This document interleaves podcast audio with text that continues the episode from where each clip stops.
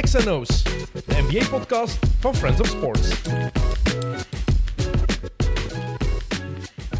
Welkom bij XNO's iedereen. Het eh, NBA-seizoen is tien dagen ver en dat is het ideale moment om zoals elk jaar vroege conclusies te trekken. Uh, maar voor we dat gaan doen, wil ik jullie eerst allemaal bedanken om uh, zoveel te stemmen op ons voor de Belgian Podcast Awards. Wordt heel hard geapprecieerd. ik ben nog niet door al jullie berichten kunnen gaan en de andere mensen van, van XNO's ook nog niet. maar dat komt nog wel. We hebben veel zien binnenkomen en we zijn op het podium geëindigd. Dus dat is heel mooi, zeker voor een podcast over basketbal en de NBA. Het blijft heel niche natuurlijk, dus dikke merci Tof om te zien dat we zo'n uh, trouwe luisteraars en uh, mooie community hebben opgebouwd doorheen de jaren.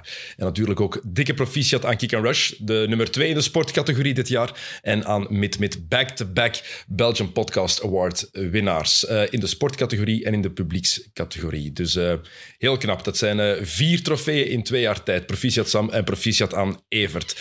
Um, goed, de prijs die wij gingen weggeven om op ons te stemmen en om die screenshots te pakken en door te sturen, die komt er sowieso ook nog. Jullie kunnen dat shirt nog winnen. Jullie kunnen nog altijd een opname bijwonen. We gaan dat... Uh, we hebben al gezegd dat we brons hebben, Sam. Toch bedankt. Uh, we gaan dat uh, tijdens de volgende aflevering bekendmaken. Want zoals ik daarnet zei, we zijn nog niet door al jullie berichten kunnen gaan. Dus dan maken we bekend wie de prijs of prijzen winnen. Uh, het zal voor de volgende aflevering zijn. Die is volgende week met de Chaotic 4. En het wordt een, een special. Wordt, wordt heel plezant. Voilà. Dat waren de dienstmededelingen. Nu is het tijd om over basket te praten. Veel interessanter, veel belangrijker. Want we zijn tien dagen ver. We hebben een match of vijf gehad. En het is altijd tof om dan eens eh, te zien wat we er nu van vinden. En om over een paar maanden te zien hoe juist of vooral hoe fout we waren met die vroege conclusies. En om die te trekken zit uh, iemand bij ons die er al vaker heeft gezeten. Eindredacteur bij Sporza, bij PlaySports onder andere. Maar vooral belangrijker basketbalfanaat, basketbalkenner. Leender Terk. Welkom. Dank u. Blij om hier te zijn. Ja, ik ben blij dat je er bent. Je bent veel te bescheiden, Dennis. Je spreekt over de derde plaats van uh, ja, maar ja. Maar je vergeet je eigen uh, eh, MVP-trofee. ik ben hem ook effectief thuis vergeten. Ah, echt? Ja, ja effectief. Maar ja, zelf schouderklopjes geven, nee. ben ik geen fan van. Nee, altijd bescheiden gebleven. Niet zoals ondanks. LeBron zijn post gisteren, ik weet niet of je die gezien hebt nee, op Instagram. Um, was er, het was weer uh, zichzelf weer extra moet inpraten. Keep going, kids. Ik vind dat heel raar. Ik ga zien dat hij er nog op staat trouwens, maar ik vond het een hele uh, rare post. Wat stond erbij? Natuurlijk zien waar de LeBron is. Um, zwart, misschien is het iets voor Gilles om te doen. Want kijk, Gilles Meulemans is er vandaag ook bij. En uh, vorige, week, vorige keer kon je niet bij zijn. Nu heb je een micro gekregen. Ja, geweldig hè. Eindelijk. Dag Gilles. hey Dennis. De nieuwe jokker. Als jij het zo wilt noemen, dan eh, is dat voor dat mij zal goed. zo ongeveer zijn. Ik heb het trouwens gevonden. Het was een filmpje van zichzelf tegen de Nuggets. Met daarbij, how long will you be taken for granted? En dan een, uh, een wolkje en een kroontje en daarbij keep going, kids. Oké. Okay. Ja. Is dat niet een beetje raar? Dat is een beetje raar. ik vond wel zijn commercial goed. Ik weet niet of je die gezien hebt. LeBron James versus Father Time. Ja, heb ik gezien. Dat was cool. Ah, dat is wel cool ja. gedaan. Bij het begin van het seizoen, ja, vind ik, dat vind ik tof. Maar dit is een beetje raar. Ja, een beetje raar. Maar zeker, allee, zo, dat tegen jezelf zeggen ja, zo. Keep going, 37, 37 jaar. Ja. Allee, nee, zwart. Uh, maar goed, um, Leendert. We zijn tien dagen ver. Ja. Ben je al content met wat je voorlopig gezien hebt? Ja, eigenlijk wel. Ja, ik heb uh, vrij veel gezien al. En uh, ik denk dat het een mooi seizoen wordt. ja, redelijk onvoorspelbaar. Um, een paar teams die nu, waarvan hij nu al ziet van misschien reden tot paniek. Een aantal andere teams uh, die, het, uh, die het wel heel goed doen ook. Die er, uh, waarvan ik misschien gedacht had van... Mm, niet veel veranderd of niet veel bijgekomen, maar die toch echt goed bezig zijn. Dus ja, het wordt een leuk seizoen, denk ik. Ik denk het ook. Het wordt, zoals je zei, wat we ook voor het seizoen eigenlijk al dachten, onvoorspelbaar. Mm -hmm. Ja, we zijn vijf matchen ver of zes matchen ver voor sommige andere ploegen. En ja. dat is al heel duidelijk dat het onvoorspelbaar uh, wordt of is geworden. Uh, we, gaan, we hebben allebei conclusies getrokken. Ja. We gaan er om de beurt eentje smijten naar elkaar. En ja. dan pikken we in en we zien wel waar we uitkomen. Um, ik heb er geen limiet op gezet. Ik heb er heel wat opgeschreven. Ik denk dat er bepaalde ploegen zijn waar we langer bij gaan blijven hangen. Mm -hmm. Maar als gast mag jij de eerste kiezen. Dat is wel het minste wat ik kan doen, vind ik. Oké, okay. Morant wordt MVP. Oeh, dat is een mooie. Ja. Ik heb ook een MVP-take, dus goed, we ja. kunnen die naast elkaar leggen. Ja. Ik heb Jason Tatum wordt MVP opgeschreven. Oh, die had ik ook niet verwacht. Ja. Ik had, en zeker na de voorbije nacht, de logische keuze zou misschien wel Luka Doncic zijn. Mm. Um, maar ik ben heel hard onder de indruk van uh, de Grizzlies als team. eh, in die eerste week of die eerste tien dagen. Maar Ja Morant, eh, die, het laatste dat ik gezien heb, eh, was hij zijn driepunters aan meer dan 50% aan het afwerken. Als hij dat doet, als, hij, ehm, als er nog 10% van afgaat en hij blijft rond de 40%, dan is hij redelijk unguardable. En dan, eh, ja, dan, dan, dan, wie gaat die stoppen? Eh, Het die- is nu zijn stats. 32,6 punten per match, 6,8 assists gemiddeld, 4,4 rebounds. En dan die percentages, want dat, is eigenlijk, dat maakt het straf. Ja. 53% field goal percentage, 56,5 van achter de driepuntlijn. Ja. Al, al gaat het 15% of 20% nog achteruit, 36, 38% vind ik eigenlijk voor Jamorant ook nog altijd heel goed. Voilà, als het in de, in de buurt van de 40 komt, dat is wat dat hij de voorbije jaren nog een beetje miste. Zeker ook in, eh, eh, als er beter verdedigd wordt, als er harder verdedigd wordt, dat driepuntshot. Ja, één tegen één op zijn, zijn eerste stap, zijn ex- explosiviteit, is die, gewoon- die is niet te stoppen. Eh, het enige wat dat hij miste was een, een shot zoals Lillard dat heeft, Curry dat heeft. Als dat erbij komt, ja, dat is, maar ik vind dat, ik heb dat altijd al, dat is mijn nieuwe favoriete speler in de NBA. Ik vind die een beetje een mix tussen Allen Iverson en Derrick Rose. Ja. Wat dat, Iverson is mijn all-time favoriete speler. Derrick Rose, een van de favorieten van de voorbije 15 jaar.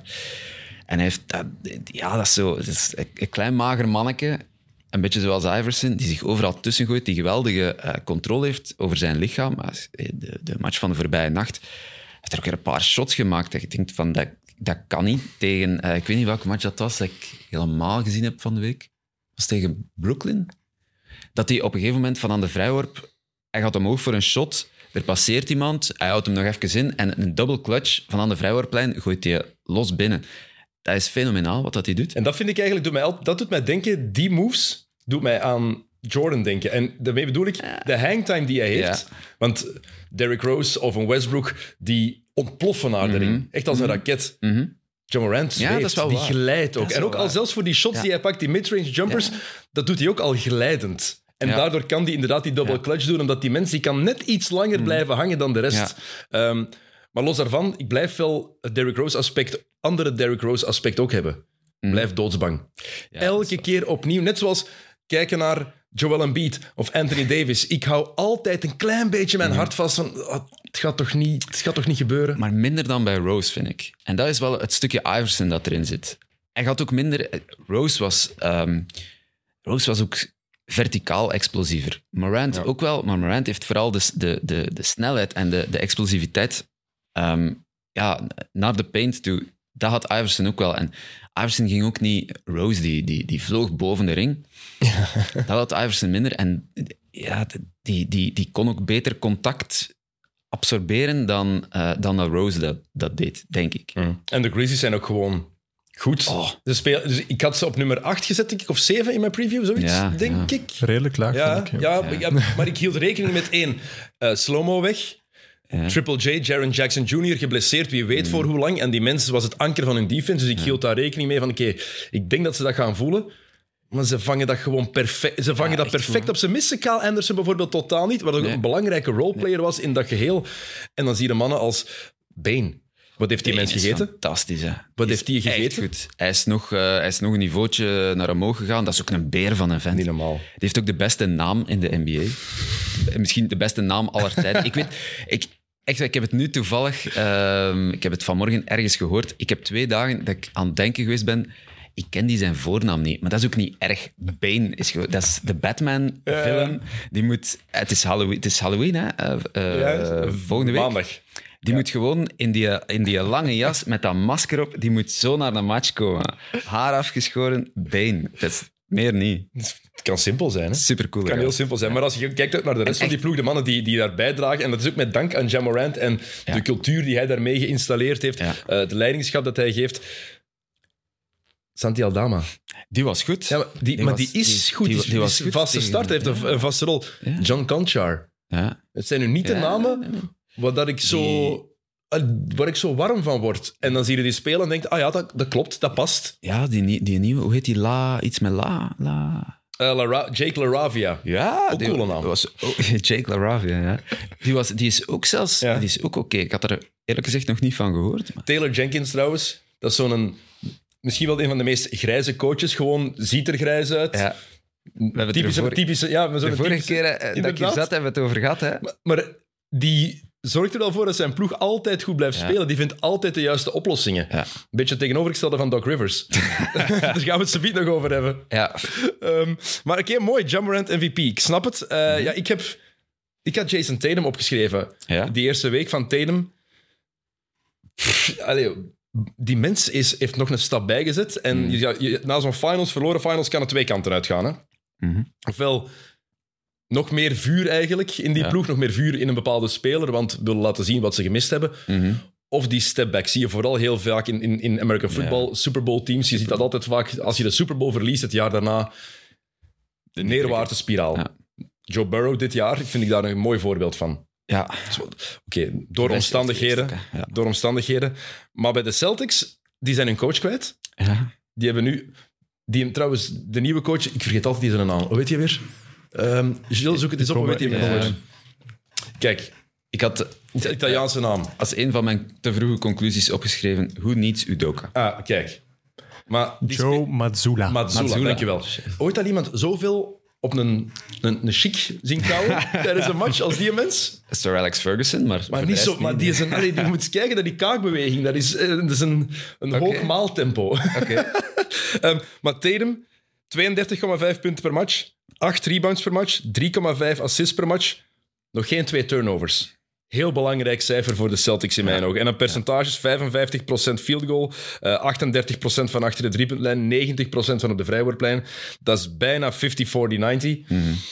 Ik, die mens is sterker geworden. Fysiek Ja, ziet hij er weer sterker uit. En het is ook duidelijk nog meer dan anders dat het zijn ploeg is op het veld. Hij is de man. Ja. En Brown mag zijn dingen doen, maar Tatum is waar het om draait. En ik vind hem nog creatiever geworden. Hij creëert nog meer voor anderen. Mhm. En voor zichzelf. Ja. Helpt, eh, de ploeg is ook sterker geworden. De ook ploeg al is sterker geworden, hè? Brogdon erbij. Maar ja, maar ze doen het ook zonder Williams. En eigenlijk Ja, ja. ook zonder Horford. Ja, Gallinari die het seizoen gaat missen. Maar Brogdon, Brogdon is... Als die fit blijft. Hè. Dat is een grote als, hè? De, maar wel de per- ja, die, die maakt nooit een seizoen af. Nee. Hij mist altijd een match of 20, 25. En de vraag wordt, wanneer gaat hij ze missen? Gaat hij ze allemaal in één stuk missen? Eh, Wordt het dicht, komt het dichter bij de playoffs? Ja. Maar het is, het is een speler ook die heel, ehm, die heel onopvallend kan spelen. Die, die, die moet geweldig zijn om die als derde, vierde beste speler in je team te hebben. Ja, Ehm, en wat een fit. Ja, absoluut. Dat vooral. Ja. Tegenovergestelde van de ploeg waar ik het hierna over ga hebben. Oké. Nee, ik, ik, eh, ik had dus opgeschreven, eh, hoe niets Udoka, Ja. los van het, dat dat een van de bi- meest bizarre verhalen is, en dat het ook heel bizar is dat we nog niet meer weten wat dat daar nu precies gebeurd is, ik vind dat wel heel straf, en dat pleit ook wel voor de organisatie binnen zo'n ploeg, dat die, die is weg, de headcoach is weg, en alles draait perfect. Er komt iemand nieuw in waar dan nog niemand iets van gehoord heeft, die ook geen... Want die eh, Joe Mazzula, ik Ja. weet niet of dat hem zelf eh, NBA gespeeld heeft, ik denk Nee, het niet nee. eigenlijk. Nee. Ehm, dus die komt daar binnen, die heeft, die, die heeft dat team onder controle. Ik vind dat echt heel straf. En ehm, het, het, eh, ja, Udoka werd vorig seizoen eh, kreeg heel veel lof. Terecht. Eh, Terecht, ja. Maar het, het doet natuurlijk ook wel een beetje afvragen van ja, hoe belangrijk was hij eigenlijk wel? Want Mm. pak hem weg en alles loopt, eh, alles loopt door. Absoluut. Goed. ehm, andere vroege conclusie. Het is te gemakkelijk. Ehm, het gaat over de Lakers. Ja. En het begint niet met Westbrook. Dat is al verrassend misschien. Ehm, Rob Pelinka is misschien wel de slechtste GM van de laatste 30 jaar. En er zijn er veel slechte geweest, hè. ja. Maar, allee, die, die mensen weten niet wat hij, wat hij doet, hè. We, we zijn eh, gelijk gestemd, want ik had opgeschreven Rob Pelinka haalt nieuwjaar niet. Of, tussen haakjes, zou het niet mogen halen. De laatste, denk dat we het daar allemaal over eens Het zijn. eerste twijfel ik wel aan. Ja, heeft net een, niet- nee, maar het gaat ja. niet gebeuren. Hij heeft een contractverlenging gekregen omdat Genie Buzz ook heeft gezegd ja, ik wil de continuïteit in de club behouden. Ja. Wat ik ergens... Ja, maar ik begrijp haar standpunt. Ik ben het er totaal niet mee eens. Maar ik snap waar zij vandaan komt. Als je de onrust... Ik heb net die, die serie, die tiendelige serie gezien. eh, Lakers, de, eh, the, The Real Legacy of zoiets, The Mhm. Real Story. Maar het echte verhaal van sinds eh, Jerry Buzz de Lakers heeft gekocht. Mhm. Ehm, topserie van Hulu, echt aan te raden. Ehm, en dan snap ik, oké, de onrust die er geweest is de laatste pff, tien jaar, sinds het overlijden ongeveer van Dr. Buzz. Er is zoveel chaos, zoveel drama geweest de afgelopen jaren met Magic Johnson die ineens een ontslag aankondigt. Ehm, met die titel die ze winnen, maar dan heel veel spelers die ze, die ze wegdoen. En de kritiek dat daar komt, het overlijden van Kobe, heeft voor zoveel, ja, heeft zoveel gevolgen gehad ook binnen die club. Dus ik snap dat ze die lijn willen behouden. Rob Pelinka is ook de oude agent van Kobe Bryant. Voilà. Dat speelt sowieso ook een rol in mijn ogen. Maar de ploeg die die mens bij elkaar heeft geschraapt, heeft proberen bouwen, is gewoon een grap. Mhm.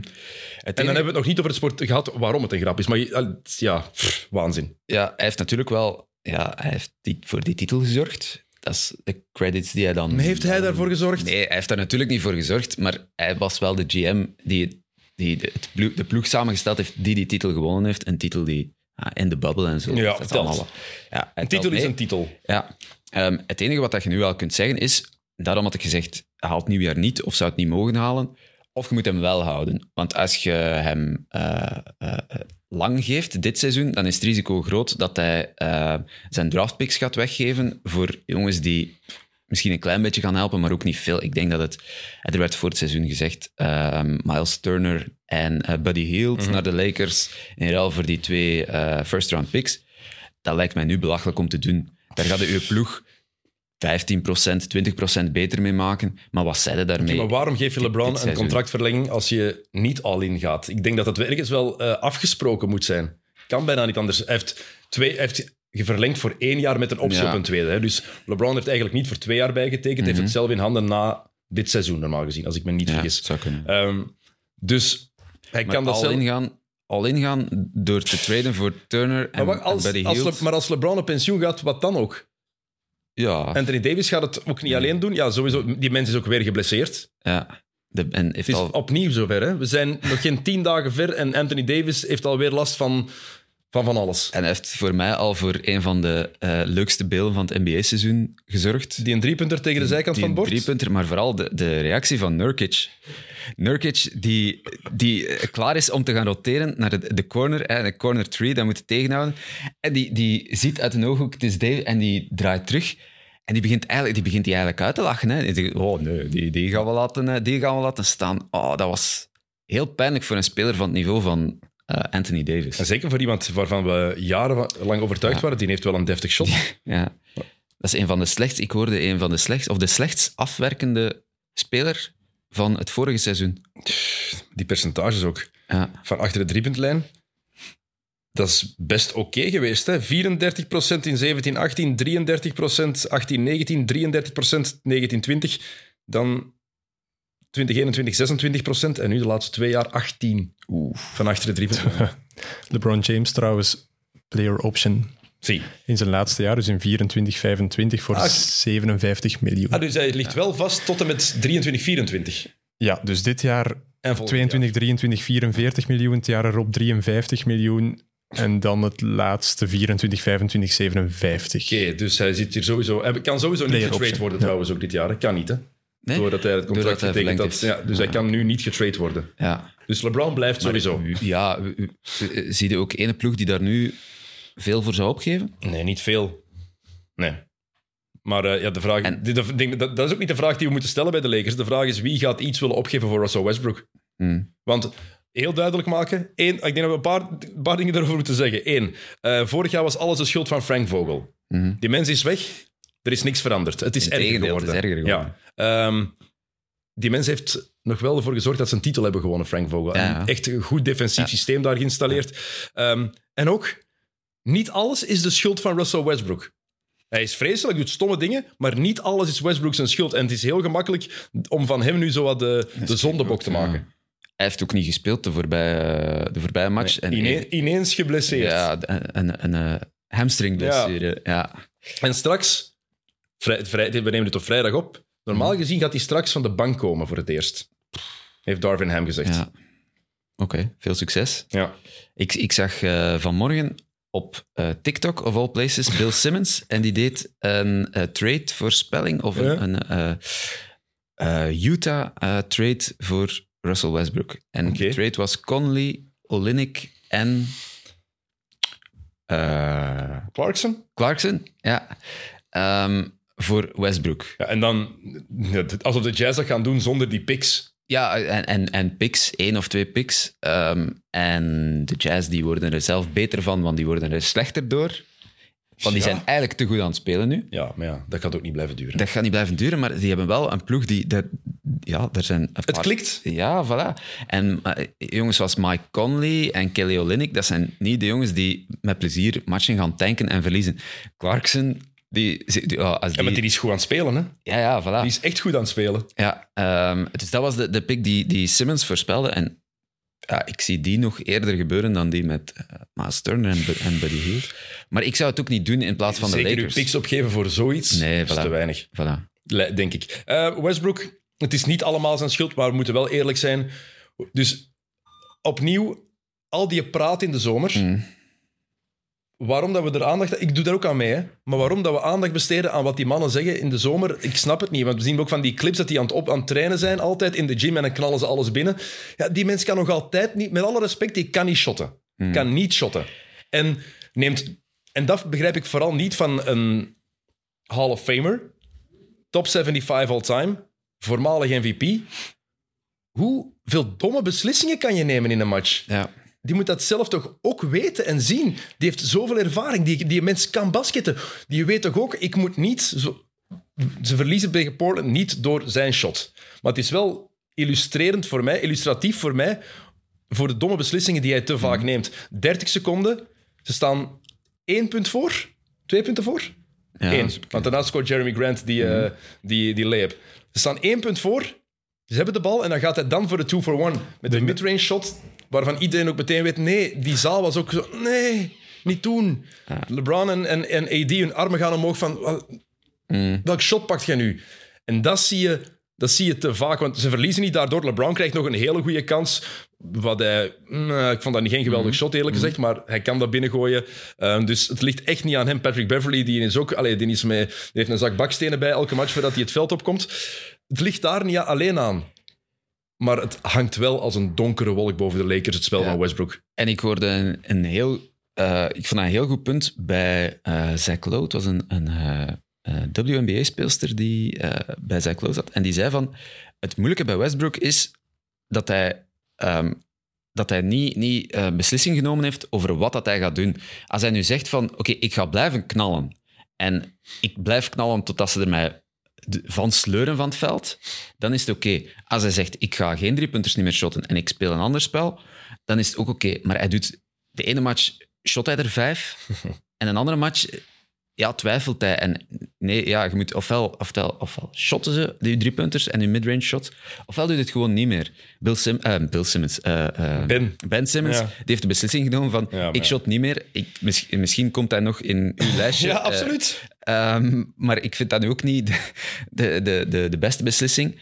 Maar dan weet je tenminste waar dat gaan toezetten. Dan weet je ploeg waar dat gaan toezetten. Dan weet je coach van, oké, ik breng hem erin en hij gaat mij dat brengen. En als Westbrook, als hij zegt van, pff, ik ga niet meer shotten, hoofd naar beneden, ik drive en ik probeer fouten uit te lokken, even goed, hè, en dan weet je wat dat je eraan hebt. Maar nu is dat, het is, nog mossel, nog vis wat dat Ja, hij doet. En je weet, niet wat je, weet, je weet niet wat je eraan hebt. Hij loopt gefrustreerd rond. Hij is daar niet gelukkig. Dat vind ik dat je heel duidelijk ziet.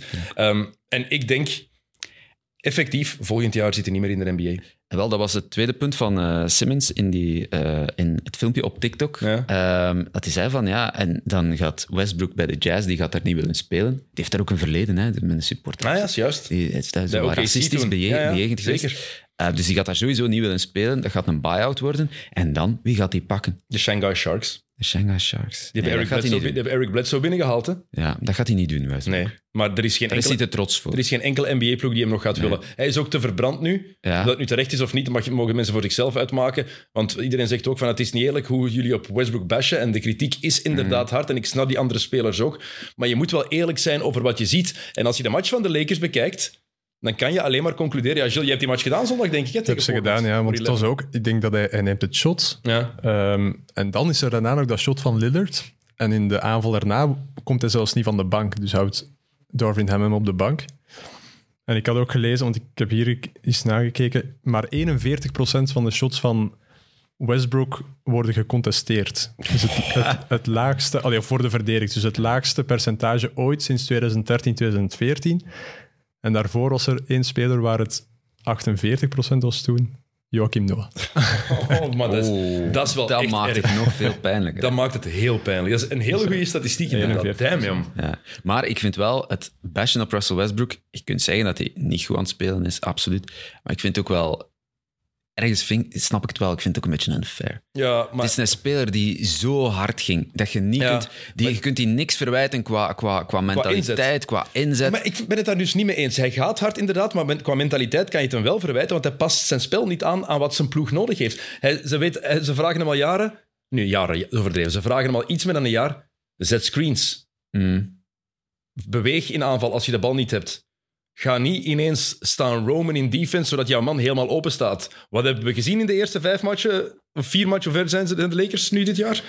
4, 0 en 4 of 0 en 0 5? en 4, maar heeft, 0 en er- 4, heeft er maar drie gespeeld. Ja, wat, wat hebben we gezien in die drie matchen die hij gespeeld heeft? Het is, Ja, oké. Hij maakt diezelfde... Maar dat, dat, is, dat is het hele punt. dat dat is ook mentaliteit toch ook? Dat is ook een stukje mentaliteit, maar hoeveel spelers zi- zijn er eh, die dat, eh, die dat wel kunnen? Eh, Vince Carter is er één van, die heeft zich geweldig kunnen aanpassen. Maar voor de rest, ja, die, die, is ook, die heeft tien jaar zo gespeeld. Ja. Balls to the wall, alles geven en, en gaan. Die werd, er werd ook van hem gevraagd om eh Oklahoma City, als Durant weg was, om die op zijn schouders te pakken. Dat doet hij wel allemaal. Die pakt zijn verantwoordelijkheid. Ik heb veel meer als we er dan toch op, op gaan komen, ik heb veel meer problemen met iemand als Ben Simmons, die ergens zijn verantwoordelijkheid schuwt, Ja, terwijl dat hij nog in de prime is. Westbrook die heeft nog nooit, die is nog nooit weggelopen van een, een, een big moment. Zelfs het shot dat hij dan fout pakt tegen, Ja. tegen Portland, dat is wel het shot van, ik ga dat hier pakken. Ah, wel, maar dat denk ik net dat het probleem is. Hij pakt dat voor zichzelf en niet voor de ploeg. Ja, daar is iets voor Denk, te zeggen. denk ik, hè, zo komt het over. Ik kan Ja, niet die ik- mensen een kop kruipen natuurlijk. Hè. Ik denk niet dat hem dat shot pakt voor zijn stats. Ik Nee, denk dat hem voor denkt zijn van, stats. als ik dit shot score, dan winnen wij de match. Ja, dat wel. is zijn ingesteldheid. En dat vind ik ergens nog Maar hij meer te nou, verdedigen. dit moet ik doen zodat de ploeg echt een kans maakt. En dat is dan het... Hij, En hij zei achteraf ook dat, dat, ze voor, dat hij het shot nam om voor een 2-for-1 te gaan, omdat er nog 36 seconden te Mhm. Maar dan, spelen. als hij dat doet, als de Westbrook, als hij zijn echte kwaliteiten gebruikt, get to the hoop, ga naar Ja. de ring, Ja. loop dan die fout uit, dan heb je ook een two for one. Ja. En ja, zwart. Eh, Een paar dingen nog over de Lakers. Ehm, LeBron die zegt over we hebben geen snipers. Ik vond dat een heel straffe uitspraak. Dat was eigenlijk meteen Pelinka onder druk zetten, omdat we begonnen zijn over Pelinka. Dat was meteen van, make some moves. I need Ja. shooting, want ze hebben nu... Het is vrijdagmiddag middag als we dit opnemen. Ze hebben 148 driepuntshots gepakt als ploeg. Daarvan hebben ze er 33 binnengegooid. dat is echt heel erg. Dat is echt heel zielig. Dat is iets meer dan 20 procent, denk ik. Hè? 22,3 was het. Ehm, twee, ehm, Anthony Davis. De glazen man, effectief. Bedoel. Die mens heeft alweer... eh, hoeveel keer heeft hij alweer naar zijn rug gegrepen? Is, dat is echt zo erg, want ik was zo fan van die gast. Maar je merkt ook dat het impact heeft op zijn spel nu. Gaat Ja. niet meer naar de ring. Hij gaat veel te weinig naar de ring. Mhm. Groot probleem. Eh, drie, de Lakers hebben geen keuze. Hè? Ze kunnen niet tanken. Mensen die zeggen van, ah, maar ze kunnen meedoen voor Wembanyama. Nee, de nee. pick die is van, van dit jaar van de Lakers, er is een pick swap. De Pelicans kunnen zeggen, ah, jullie zijn slechter dan wij, wat zo gaat zijn. Wij willen jullie draft pick. Ja. Dus dat gaat gebeuren. Dus stel je voor dat de Lakers toch een top 5 pick hebben, ze hebben hem niet. Mhm.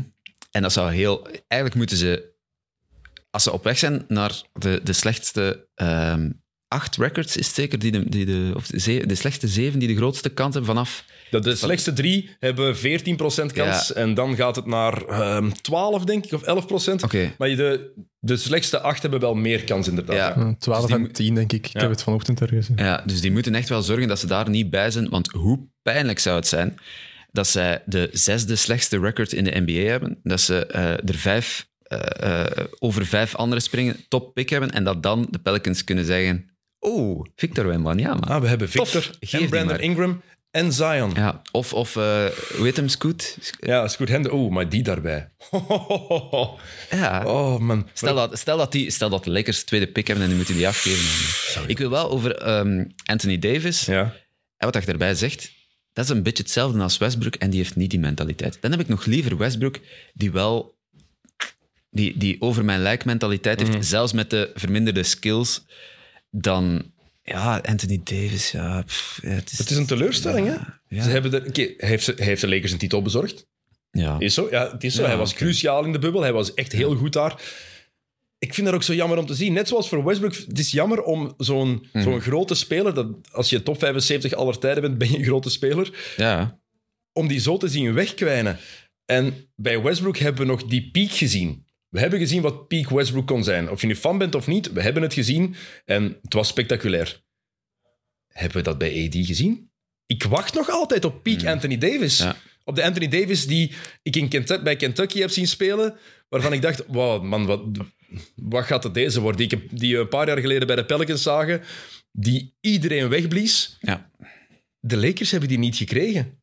Een beetje, ja, ze hebben een titel, maar het is een beetje een kat in een zak. ja, ik snap het. En dat is zo erg, want die gast is zo goed. Ah, Of die kan zo goed zijn. Kan zo goed zijn. Zie ja. dat ik het zo verwoorden. Ja.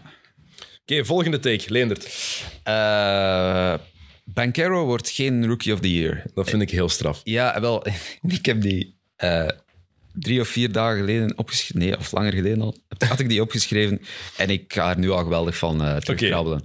Ehm, ik, had de, ik heb de eerste week van een toffe match om te zien. eh, Orlando tegen Detroit. Ik denk dat dat de opener was van, Ja. van beide ploegen. De, wat is het? De Bankero tegen Ivy. Tegen Ivy en dan eh, Kate Cunningham er nog bij. Ik, en Orlando zat ik naar uit te kijken, want dacht ik van, ah, daar wil ik nu dit seizoen al veel matchen van volgen. Eh, Wagner, toffe speler. En na die match dacht ik van, En dan kwam die, die jongen van eh, Indiana, ik, ik kan zijn naam niet onthouden. Eh, Benedict Matherin. Ja, dan kwam die en dan dacht ik, die wordt het. Dat wordt een tof verhaal. Ja, nu de laatste, de, de laatste twee matchen van Bankero, dan, ja, je ziet, hij is wel heel indrukwekkend. De eerste vijf matchen van Bankero, zijn stats. Eh, punten, rebounds, assists en blocks. Mhm. 27, 9, 5 en 2. 20, 12, 2 en 3. 23, 5, 3 en 1. 21, 4, 2 en 1. 29, 8, 4 en 2. Ja, het is een beetje gekeerd bij mij. Na, ik heb hem gezien tegen de Knicks. Ja. Ehm, en toen dacht ik ook nog... wow. Maar toen zag ik op een gegeven moment... Ik, ik was die match aan het kijken en ik dacht... Wow, wow, wel. En dan zag ik op, op een gegeven moment zag ik zijn statline en dacht... Oh, deze had ik niet verwacht. Die had toen al 20 punten of zo. En allee, echt heel onopvallend. Maar hij is zo NBA-ready, zijn Ja. lichaam. Die gast is Freak, 19, hè? Dat is een freak. Die is 19. En die ziet eruit als een van 26. Mm. Ja. Die al... Ik vind zijn stijl ook... Het, het, de, het vertrouwen dat hij heeft, de poise... Ik vind daar nooit juist een Nederlandse woord voor, maar de poise die hij met zich meedraagt op een veld... Beyond his years. Ja. Echt waar. Dat is, dat is, Het is ook een soort... Het is een hele rustige gast. zo komt hij over, hè? Ja, zo, zo lijkt En hij wel. Ik vind hem hele soft stroke, een hele Ja. zachte touch bij de, bij de ring. Ja. Ik denk dat daar, er zit zoveel potentieel in. Maar Benedict Matherin, daar ben ik het wel compleet mee eens. Indiana, we gaan er niet veel naar kijken. Nee. Maar als je ervoor kijkt, zijn er twee gasten die het waard zijn. Dat is Benedict Matherin Mhm. en Halliburton. En Halliburton. En Halliburton, hoe lelijk zijn shot ook is, want ik vind dat echt lelijk om te zien. Hij is, staat hem niet tweede of derde in de assist-categorie? Ik denk het wel. Ik denk dat hij 10 assists geeft eh, dit seizoen per match. Allee, het zijn nog niet ver, hè, maar... Derde. Ah, voilà. Ja. Dus Chris Paul 10.3, Trae Young 10.3 en Halliburton Ja. 10 rond. En, ja, en Matherin, ook zo een. Die doet mij qua lichaam heel veel aan Cominga denken. Lichaamsbouw. Ja. Ook op die leeftijd al Ja. heel, heel atletisch.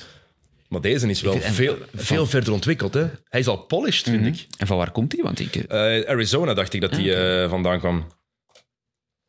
Matherin. Eens want die was, die, was, eh, die was geen top 10. Arizona. Ja, zesde pick. Jawel. Zesde pick? Zesde Ah, oké, pick. Arizona. Ja, voilà. Nee, nee, zesde pick.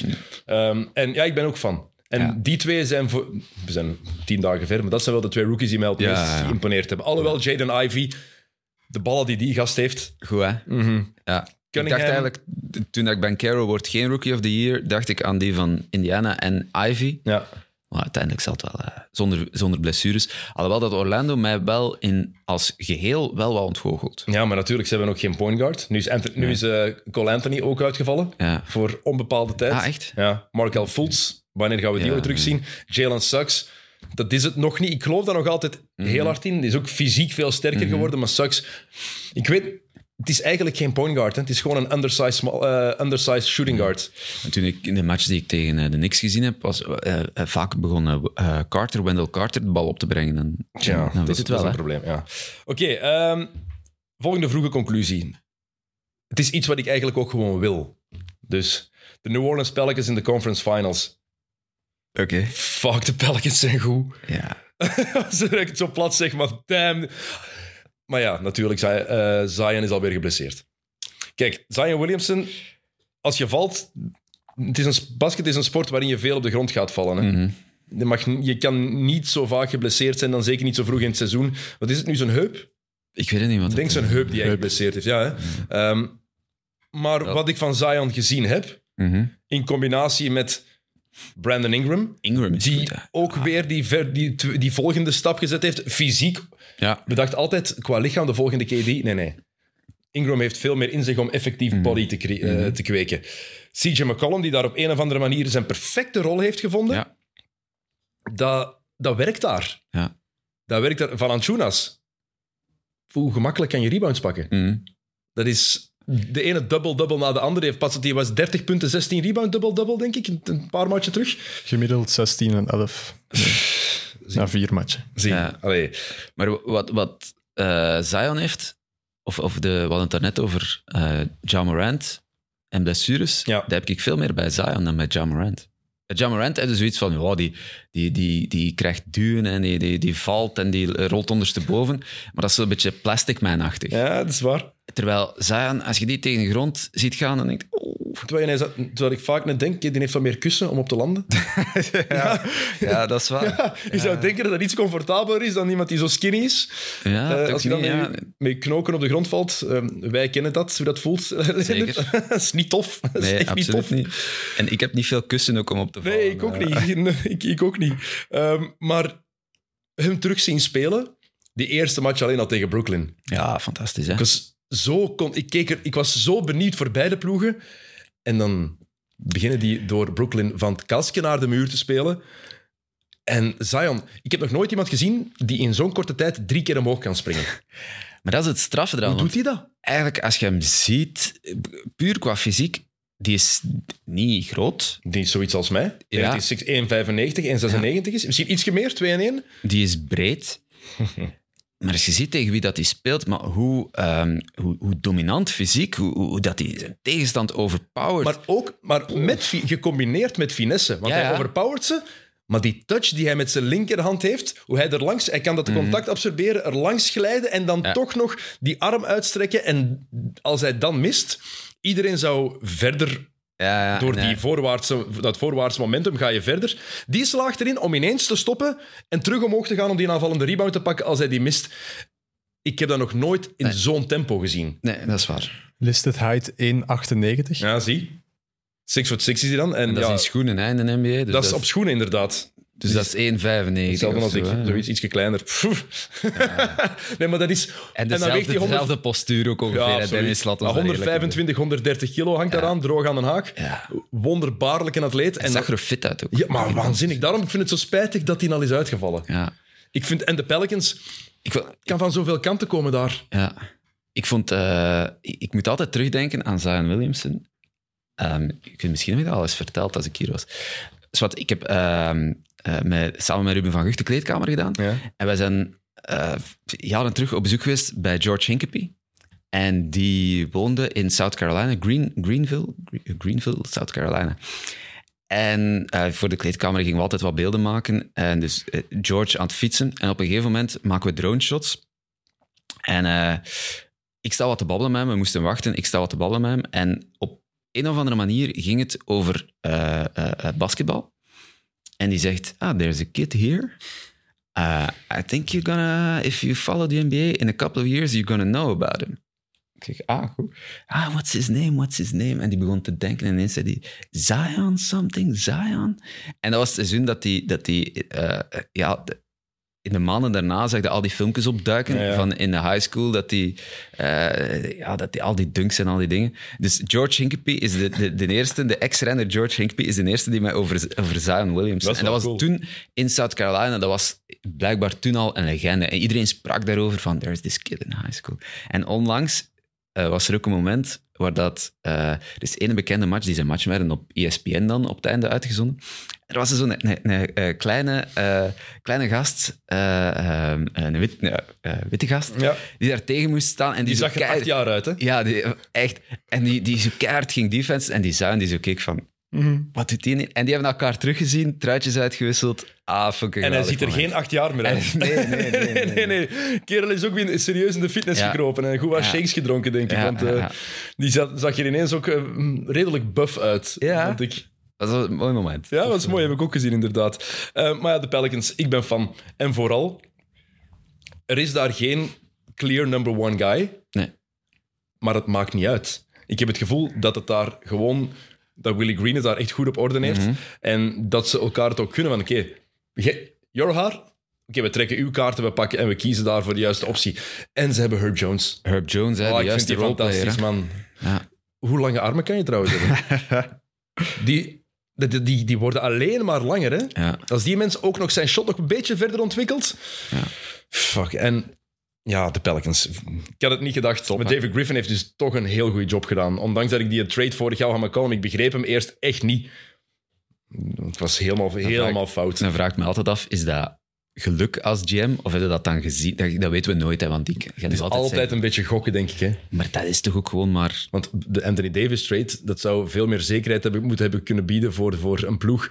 Ja, je haalt Anthony Davis binnen. Mm. Dat is een veel, beter, eh, veel grotere certitude dan CJ McCollum, zou je denken. Mm. Maar Ja. voorlopig is het tegenovergestelde Ja. het geval in dit jaar. Ja. Alright, Leendert, next one. Wel aansluitend hè, op eh, CJ McCollum en de Pelicans. Anthony Simons is een betere versie van CJ McCollum. Oef.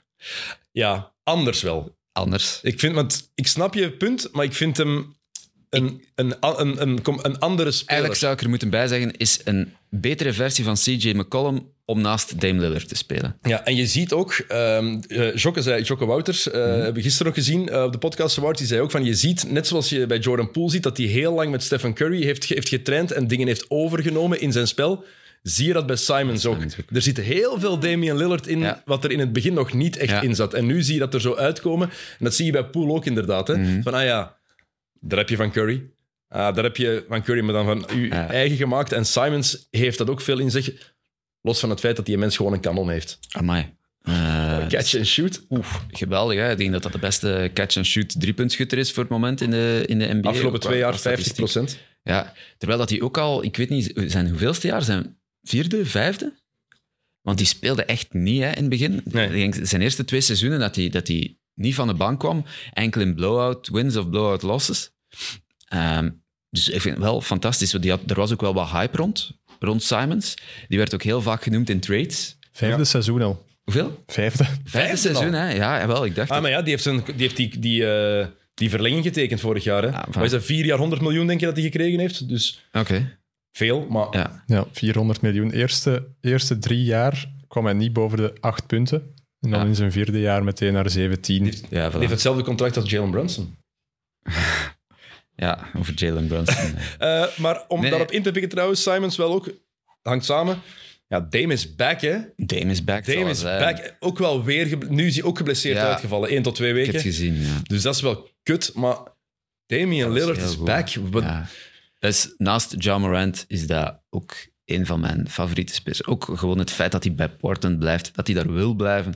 Dat vind ik cool. Ik, ik- ja, een beetje old school. Ja, ja. zo. Ter- Echt een, een franchise player. ja. Ja, vind, ik echt, eh, vind ik echt tof. En ook, want de neerwaartse spiraal, of gewoon het- de slechte periode, is begonnen in Tokio. Op de Spelen was die vreselijk. Mhm. Was hij echt slecht. Mhm. Heeft hij een vreselijk seizoen gehad. En dan kwam uit van, ja, oké, buikspierblessure. Ja. Daarom, je sukkelt er al jaren mee en nu is het te erg. Maar dan is altijd de vraag, hoe komt iemand terug in jaar eh 11, Mhm. op die leeftijd, vier jaar college gespeeld ook natuurlijk, dus wat meer Ja. kilometers op. Hoe komt hij terug? Gaan we nog de oude Damian Lillard zien? Absoluut. We, we zien de oude, we hebben de oude Damian Lillard gezien. Dat is nu natuurlijk wel een, typisch een speler die tot lang zijnzelfde spel kan blijven spelen. Hij heeft niet meer... In het begin had hij ook wel echt explosiviteit. Ook dunken en zo, dat doet hij nu veel, veel minder. Maar de manier waarop dat hij speelt, kan hij wel redelijk lang volhouden. En kan hij zelfs, ja, als hij een, eh, een aantal seizoenen al speelt met problemen aan de buikspieren, dat toont al hoe straf dat hij is. Maar vooral, ze hebben er nu een ploeg rondgezet die echt bij hem past, vind ik. Ja. Jeremy Grant, eh, Simons is goed. Nurkic, geen grote fan van, maar eh, Gary Payton eh, erbij. die is nog altijd geblesseerd, Peyton zelfs. Hè? ja, ja, ik weet het, Dus- maar die komt er ook Ja, nog bij. Is Ook at- eh, atletisch vermogen. Ehm, wie hebben ze daar nog? Josh Hart. Hart, die die ook echt goed aan het spelen is. Dus die hebben er echt wel een ploeg rondgebouwd die, die, die past bij hem beter dan wat er vroeger... CJ McCollum, ook een fantastische speler, maar net iets minder complementair. Maar het- nu, die eerste match, lukte het. Mhm. Ik had ze niet hoog ingeschat voor dit seizoen. Nee. Totaal niet. Misschien gaat het compleet fout zijn. Het is heel goed mogelijk. We, zijn tien dagen ver. Het zijn te vroege conclusies. Hè. Absoluut. Dus niet, niet alles wat we duidelijk maken. We geloven ook niet alles wat we Nee. zelf zeggen. Het is expres te vroege conclusies. Ja. Laat dat heel duidelijk zijn. Ehm, maar Portland, ik had het niet verwacht. Eh Nurkic, ik ben er niet zo'n fan van. Jeremy Grant, die een drive trouwens tegen de Lakers, ligt Hmm. er aan mij of was dat veel te gemakkelijk? Voor... Het is goed gefinished. Maar die mens mag gewoon AD en LeBron aanvallen en er wordt eigenlijk niks tegen gedaan. Hmm. Bump die gast. Ja. Hij mag heel die corner pakken. Mhm. En dan met zijn linker gaan afwerken. Ik vond dat niet goed, op zo'n moment heel, heel zwak verdedigd. Ik vind die wel wat onderschat in de zin van... Die is vrij vaardig voor... Dat is een grote, grote Ja. explosieve gast. Die heeft, ja, die heeft wel een goede evolutie gemaakt sinds dat hij bij OKC eh, gezeten heeft. Een goeie, het is een goede derde optie. Ja, Nee, zeker. mm, maar voor een Derde of vierde optie. vierde. Ja. Voor, een, voor een contender een vierde optie. Voor een playoff ploeg een degelijke derde optie, denk ik. Oké. Ehm, next take. Ehm, Doc Rivers moet ontslag nemen. Ik had als volgende staan... Sam Cassell is zich aan het opwarmen. Ehm, ik zeg het vooral om Moet ontslag nemen. Ja, eh, Zelf. Ja, absoluut. Eh, Je kan niet zeggen na een hele voorbereiding, na ehm, vorig jaar met deze ploeg te hebben gewerkt, je kan niet zeggen als je vier matchen ver bent, mijn ploeg is niet klaar om te winnen. Ik vind dat een schandaal. Ik vind dat een grap. Wat heb je gedaan in de voorbereiding? Hoe kan je, als je ploeg niet klaar is om te winnen, heb je als coach je job niet gedaan. Dat is wat je, jij moet je ploeg klaarmaken om te winnen. We gaan, we gaan hoger tempo spelen. Ah ja? Traagste ploeg van de laatste twintig jaar? We gaan hogere defensieve intensiteit. Ah ja, oké, ik wacht nog altijd om het te zien. Ze spelen gewoon met het Houston van 2018, maar dan op, opnieuw. Daniel House, nah. PJ Tucker, ik vond dat een goede pick-up, maar daar voel ik het voorlopig ook nog niet bij. Ehm, James, Harden speelt, James Harden speelt meer zoals de James Harden van vroeger, maar eigenlijk ook totaal niet, want hij doet hetzelfde als hij bij Houston wilde doen, alleen ontbreekt die versnelling. Ja. Hij gaat maar in 20% van de tijd naar de ring. Anders is het heel vaak mid-range shots, wat hij normaal vaak niet deed. Ehm, en Harden zoals hij nu speelt, wat ook toegelaten wordt door Doc Rivers, kan bijna niet anders, want hij heeft ook gezegd, ik geef hem de vrijheid om dat te doen. Ja. Dat is niet goed voor Embiid. En de laatste matchen was Embiid beter. Die eerste twee matchen trok het op niks. Embiid is ook niet in vorm. Is duidelijk niet fit. Zo gezegd een blessure gehad, kan goed zijn. Maar die mens is niet fit aan het seizoen, aan het seizoen begonnen. Speelt super slordig. Ene balverlies na het andere. Ehm, in defense gaat hij voor bloks waar hij in mijn ogen, als hij gewoon erbij staat en zijn omhoog doet, is, is het een veel, beter, veel betere optie in defense voor hem. En in mijn ogen is dat een heel grote verantwoordelijkheid voor Doc Rivers. En het is gewoon, ja, Doc, hoeveel kansen moet jij nog krijgen, gast? Ja, en het was nogthans... ehm, het zag er nogthans goed uit en hij werd... eh, ik, eh, ik denk dat dat ook TikTok of Instagram was. Ik fragmenten zag passeren. Ehm, look at how Doc Rivers is teaching James Harden. En dan stond hij erbij te ballen. En was die, die Ah ja, zo in de pre-season. Ja, in de pre-season. En dan dacht ik... In, op training camp, sorry. op ja, ja. training camp. En dan, dan ging dat over, ah, je moet die verantwoordelijkheid en we hebben nodig dat jij daar de beslissing neemt. En toen dacht ik, ja, de, iedereen deed daar zo heel wild over van, zie is Doc Rivers, wat een coach. Terwijl ik dacht van, het maakt- dat is helemaal niet speciaal. Dat is alsof dat, eh, dat, is dat zegt precies coach- Roberto Martinez die zegt tegen Kevin De Bruyne, Kevin, het is beter voor de ploeg als jij de bal hebt. Ja. Hè? Dus da, da- dacht ik al van, wow, moeten we daar zo wild over doen? Nu, ik, ik vind het moeilijk om... eh, eh, wie ben ik om Doc Rivers te, te bekritiseren? Want die heeft geweldige verdiensten en die heeft ook wel eh straffe dingen gedaan in de NBA. Ik denk aan de Clippers in heel de Donald Sterling-affaire, waar hij enorm geloofd wordt voor, eh, of geroemd wordt voor de manier waarop dat hij dat aangepakt heeft. Dus ik denk dat dat op zich waarschijnlijk een goede people manager is, zo, zoals dat. Kan zeker. Waarschijnlijk Roberto Martinez ook een hele goede people manager is, want je hoort daar nooit negatieve geluiden over van spelers. Er zijn ook nooit spelers die over Doc Rivers zeggen van, oh, nou, Chloe, Ah dat? nee, in tegendeel. Maar Dus het gaat ook niet over de mens Doc Rivers Iedereen vindt die fantastisch. Alleen dan denk ik, als uw NBA-staf en de gemiddelde NBA-staf heeft eh, eh, 24 man in dienst, 24 coaches in dienst. Ik heb het opgezocht, zijn zoon is ook coach bij de 76ers. Dat is nooit een goed teken natuurlijk. Maar dan denk ik, dan moet daar toch één of twee mensen in zitten die tactisch echt fenomenaal zijn. Waardoor dat je eh, American Football Style, dat is de head coach. Andy Reid is de head coach. En eigenlijk is het de offensive en de defensive coordinator die hun werk doen. Zoals dat Doc Rivers had met Tom Thibodeau bij de Celtics. Je weet van, Doc is de baas en Doc houdt iedereen kalm. En die zorgt dat Paul Pierce rustig is en dat Garnett binnen de lijntjes loopt. En dat alles goed draait en die, die, die naar buiten toe, de pers en alles doet hij. Maar eigenlijk komt de filosofie van, eh, van die en van die. En misschien heeft hij nu die, die, de, de juiste assistenten niet meer. Of, of Ja, misschien is dat, het- dat wat uitgewerkt. Het is goed mogelijk. Ik, kom gewoon tot de constatatie dat, de club, dat de ploeg van Doc Rivers geen goed basketbal spelen. En dat is Ja. niet de eerste keer dat we dat zien. Nee, en dat we dat zeggen. Eh, en ehm, de Sixers van dit jaar hebben geen enkel excuus, vind ik. Er zit weinig filosofie achter. Ja, exact. Dat exact. En zeker als je zegt dat je up-tempo wil spelen, Ja. dan kan het niet dat je de traagste ploeg in jaren bent. Dat is wel een heel groot contrast. Mhm. Hè? Stel je voor dat je zegt van, oké, eh, wat is het? Die, dat je, heel oktober, ik, ik drink een maand niet. En dat je dan elke dag drie flessen vodka drinkt. Ja, dat is hetzelfde. Hè? Dat is domme. Dat, is, dat klopt niet, hè? Terwijl dat eigenlijk Doc Rivers, toen dat hij er aankwam bij de 76ers, het wel goed deed. Eh, Toen was het nog, dat is moeilijk te geloven, maar toen was het nog, is het eh Embiid zijn team of Ja, is het Simmons, Simmons zijn team? En moeten ze uptempo gaan spelen voor Simmons of moeten ze slow down en halfcourt voor Embiid? En toen heeft hij dat wel goed gedaan. Hij heeft direct Embiid de man gemaakt en belangrijk gemaakt. Dus dat vond ik een goede keuze. Dan zeg je, oké, qua filosofie Absoluut. maken we nu het team. Het is het team van Joel. En ehm, ja, dan komt die trade met Harden en dan op een of andere manier begint hij terug te twijfelen. Terwijl dat je even goed zou kunnen zeggen van, hé hey jongens, niks veranderen. Hè? Traag, half court, slow it down, iedere bal inside naar Embiid. En als ze er komen dubbelteamen of trippelteamen, dan geef hem maar naar buiten en dan kan Harden... Want Harden, wat dat jij zegt, klopt helemaal. Eh, Bij Houston, hij stond 25 keer door zijn benen te dribbelen en dan ineens was hem weg. En naar de ring, fout, vrijworpen of, of afwerken. Dat doet hij niet meer. Hij staat nog altijd 25 keer door zijn, eh, zijn benen te dribbelen. Hij heeft trouwens voor het tweede beste filmpje van eh, dit NBA-seizoen gezorgd. Hè? Het beste was, eh, was Nurkic en het tweede beste was Harden, die een stepback doet. Zijn verdediger struikelt.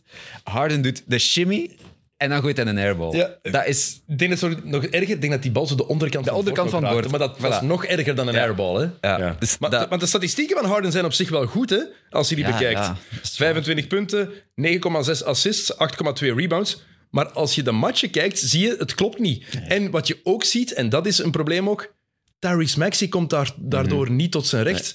En ik denk dat Tyrese Maxey de op één na beste speler in die ploeg is. Hm, kijk, Ja. Eh, ik verwacht ook meer van een beat trouwens. Ehm, en ja, die defense, hè. Ik denk dat die het woord transi- transitie-defense, dat is vreemd voor die ploeg. Ja. Dat is echt... Maar dat is natuurlijk ook wel een beetje Embiid en dingen. Die lijkt ook... Ik krijg daar een beetje Shaquille O'Neal vibes bij. Qua werkethiek. Qua werkethiek. Ja, snap ik. Super dominant. En altijd het gevoel van... Maar als die nu eens zou werken... En als die nu eens de mentaliteit van Russell Westbrook zou Of hebben... van Janis. of van. Janis zou hebben... Dan is dat 35, 38 punten per match. Ik had, maar ik had ook gedacht dat het zo... Nu, hij hij heeft blijkbaar een blessure gehad afgelopen zomer. Kan allemaal goed zijn, maar ik had ook verwacht dat hij met die mentaliteit zou beginnen. Oeh, twee jaar op rij de MVP-trofee gemist. Hij is wel eergierig, dus ik, ik had echt verwachtingen van de Sixers. Misschien Wel, dom van mij, maar... Shaq was ook eergierig, maar die wilde er ook niet altijd even hard voor werken. En in die jaar, zin... Ja, ja. En in die zin 99, lijken ze 2000 wel... heeft hij er... Dat is het enige seizoen dat hij ook klaar was Mhm. voor het seizoen begon. Ja. Want zelfs, je kunt zelfs in de voorbereiding problemen hebben en geblesseerd zijn.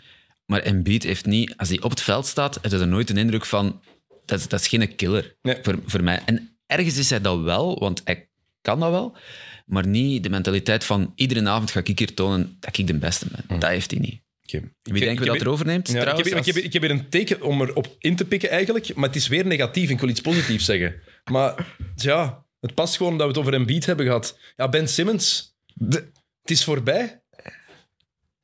Het zijn te vroege conclusies, hè? laat dat Ja. duidelijk zijn. Het Ja, kan. Allee, net zoals de Sixers, het kan zijn dat we over drie weken zeggen, ah, voilà, daar is de winning streak. Dus niet, alles moet met een korrel zout genomen worden, laat dat duidelijk zijn. Hè? Mhm. Ehm, maar wat ik van Ben Simmons heb gezien voorlopig dit jaar, is om van te blijten. Hè?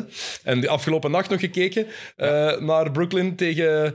ehm, Tegen Dallas. Dallas, hè? ja, tegen Dallas. Ik was aan het denken. Overtime game. Ja, Simmons in aanval, die doet niks. Die zet een screen en die zet zich daar ergens ofwel in de hoek waar hij geen bal gaat krijgen, want hij pakt nog altijd geen shot. Of hij zet zich op de dunkerspot en dan Hij zit in de fastbreak. op de dunkers. Hij pakt vannacht die steal, ja, einde van het vierde kwart. ja. En hij En hij gaat door. En ik denk, de oude Ben Simmons van de eerste jaar bij Philly, die, gaat, die, die spurt met... Want het is een geweldige atleet. Mhm. Die spurt voorbij die mannen of die maakt contact en die trekt die een bal erdoor. Nu hield hij in, net voor de driepuntlijn, en die was dan naar achter aan het kijken van oeh, iemand pakt die een bal, want ik wil hem niet. Van, als, je, als je dat al doet, als je niet durft shotten, want blijkbaar eh, was het Brian Windhorst die dat eh, gezegd heeft, denk ik, eh, gisteren. Simmons durft niet meer naar de ring gaan, omdat hij zo bang is om naar de vrijworplijn te moeten gaan. Als je dat hebt, want Shaquille O'Neal bijvoorbeeld kon geen vrijworpen shotten, maar hij ging, had geen schrik om naar de lijn te gaan. Bedoel, hij nee. bleef die bal. Chris Webber was ook zo een die de bal niet meer wilde op het einde. Om naar, nee, nee, ik Mm. ga niet naar de vrijworplijn. Shaq ging naar de lijn. Hij miste ze, maar hij deed het wel. Ja. En Simmons doet het gewoon niet. Het is een, een liability in offense. Je speelt eigenlijk 4 tegen 5. Ja, want jij zegt, hij staat in de dunkerspot. Hij staat Ja. vaak twee meter van de dunkerspot. Als hij in de dunkerspot zou staan, zou het nog oké zijn. Dan kan hem nog krijgen. En een dunk, dat lukt nog wel, denk ik. Maar ik zag ook van de week ik zag ook een floater van hem die geen ring raakte. Dat zijn van die, ja. De vraag is een beetje bij hem, is het, eh, is het rust en gaat het er nog een klein beetje van weg? Want die heeft, wat heeft hij twee jaar niet gespeeld? Eh, van de, Anderhalf? nee, na, vorig jaar gewoon niet. De playoffs niet gespeeld. playoffs de tegen- playoffs tegen Atlanta. Game 6 was- zijn laatste match. Ja. Ik snap ook wel, als dat je laatste match is, dat dat niet... En dan ligt een jaar stil en Ja. dan moet je terugkomen. En je staat naast Durant en naast... Het zou makkelijker zijn voor hem als hij bij, eh, bij Orlando zou Maar spelen. heb je dat clipje niet gehoord, gezien ehm, waarin Kyrie Irving zegt, shoot Ben! Ja. Dus Irving drivet, geeft hem aan, aan Simmons en Simmons krijgt die bal net voorbij, net voorbij de vrijworplijn. Mm, Moet gewoon omhoog gaan. mm, En hij draait zich meteen om en geeft hem naar buiten. En Kyrie roept letterlijk, shoot Ben. mm. En hij zegt daarna, oké, give him some credit. Gast heeft zo lang niet gespeeld. Ja, en wat je ook moet zeggen als ploegmaat, en ik begrijp dat ook. Maar in zo'n momenten, als je dan niet zelfs niet naar de ring kijkt, dat heeft niks te maken met ik heb een jaar niet gespeeld. Het heeft niks te maken met, met roestig zijn. Dat, is een, dat zit volgens mij een pure mentaal probleem. Dat zit zo diep bij die gast en ik weet niet of je dat er nog uitkrijgt. Ja, ik denk wel dat het... Dat is niet gemakkelijk hoor. Als het effectief zo vast in je hoofd zit. Een beetje zoals sommige golfers hebben of, of pitchers in baseball hebben. Ja, de, de- Ineens de, de jips krijgen. Ja, Ineens gaat het niet meer. ja. Ik heb dat gevoel bij Ben Simmons. Dat het zo in zijn hoofd zit. Het is natuurlijk wel de ploeg waarin dat hij terechtkomt, is er ook moeilijk voor om... Ja, ik zou ook zoiets hebben, als ik op het veld sta met Kyrie Irving en Durant, ik zou ook niet shotten, want ik zou denken van, elk shot dat ik pak, zelfs als ik sta drie meter vrij, is een slechter shot dan Durant, waar dat er twee man op geplaatst Als je staan. 2 meter en 8 bent en je krijgt de bal van Kyrie en Ja. je bent in de paint, dan ga je omhoog. Ja, Dan ga je omhoog. Heel simpel. ik weet het. Wij denken zo, maar ik denk voor hem dat dat toch nog iets... Dat is toch een probleem. Daar zit het probleem niet daar, want hij zou zo moeten denken. Het is, een, het is een profbasketter die meer dan 30 miljoen Ja. per jaar verdient, die de op twee na beste speler in zijn ploeg moet zijn. Mhm. Dus hij moet in mijn ogen zo denken. En anders hebben ze ook niks, niks aan, aan Simmons in die ploeg. Zeker niet als hij defensief ook niet kan zijn wie hij vroeger was. Is, op de perimeter lukt het nog niet helemaal en dan spelen ze maar small ball 5 en Wat dat een hij heel kan, niet andere wat, soort... hij kan niet wat Draymond Green kan. Nee, en dat is een heel andere soort defense ook, hè. Dat is Maar iets, Draymond Green- compleet anders. Die kan de combinatie, hè? Die kan die perimeter defense, maar die kan zich ook aanpassen tegen een big guy. Die is zo slim en sterk genoeg. Kijk wat hij in de playoffs tegen Jokic gedaan heeft vorig jaar. Mhm. Simmons, dat, ik, dacht, ik dacht altijd dat die kwaliteiten daar wel in zaten, maar we zien het niet. Draymond is wel eerder... Het is eerder een inside defender die het op de perimeter Ja, ook kan. zwaar.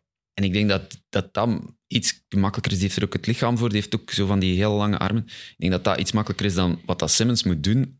Ja, die, die- en zeker na een rugblessure en zo. Eh, Ik denk dat, ja, dat van hem ook meer verwacht wordt op de perimeter. En dat, dat- zie je dat er moeilijk... Doncic had er weinig problemen mee, hè, eh, Ja. voorbij een nacht.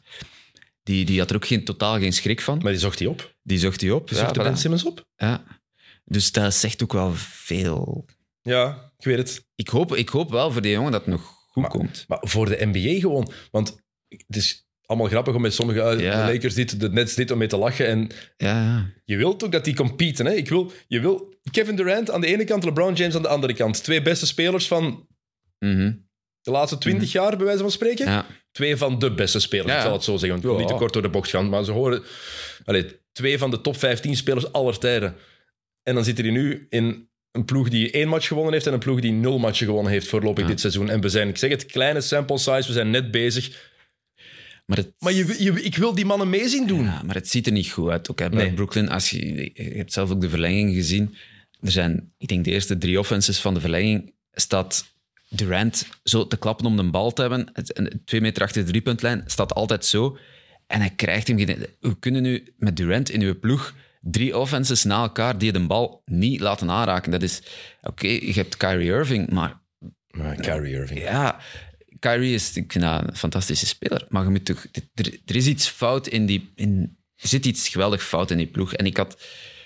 we willen niet alle coaches bashen natuurlijk, maar van Steve Nash had ik dat precies niet verwacht. Maar, maar- Ik zou ook maar niet verwachten dat was niet iemand- een coachesbadge, badge, want je ziet gewoon wat er gebeurt. Ja. We kunnen, als we willen, kunnen we over een minuut tien coaches opnoemen die het wel fantastisch doen op dit Ja. moment. We hebben Taylor Jenkins al genoemd, daar net om maar één... Joe te-. Ja, Mazzulla ook.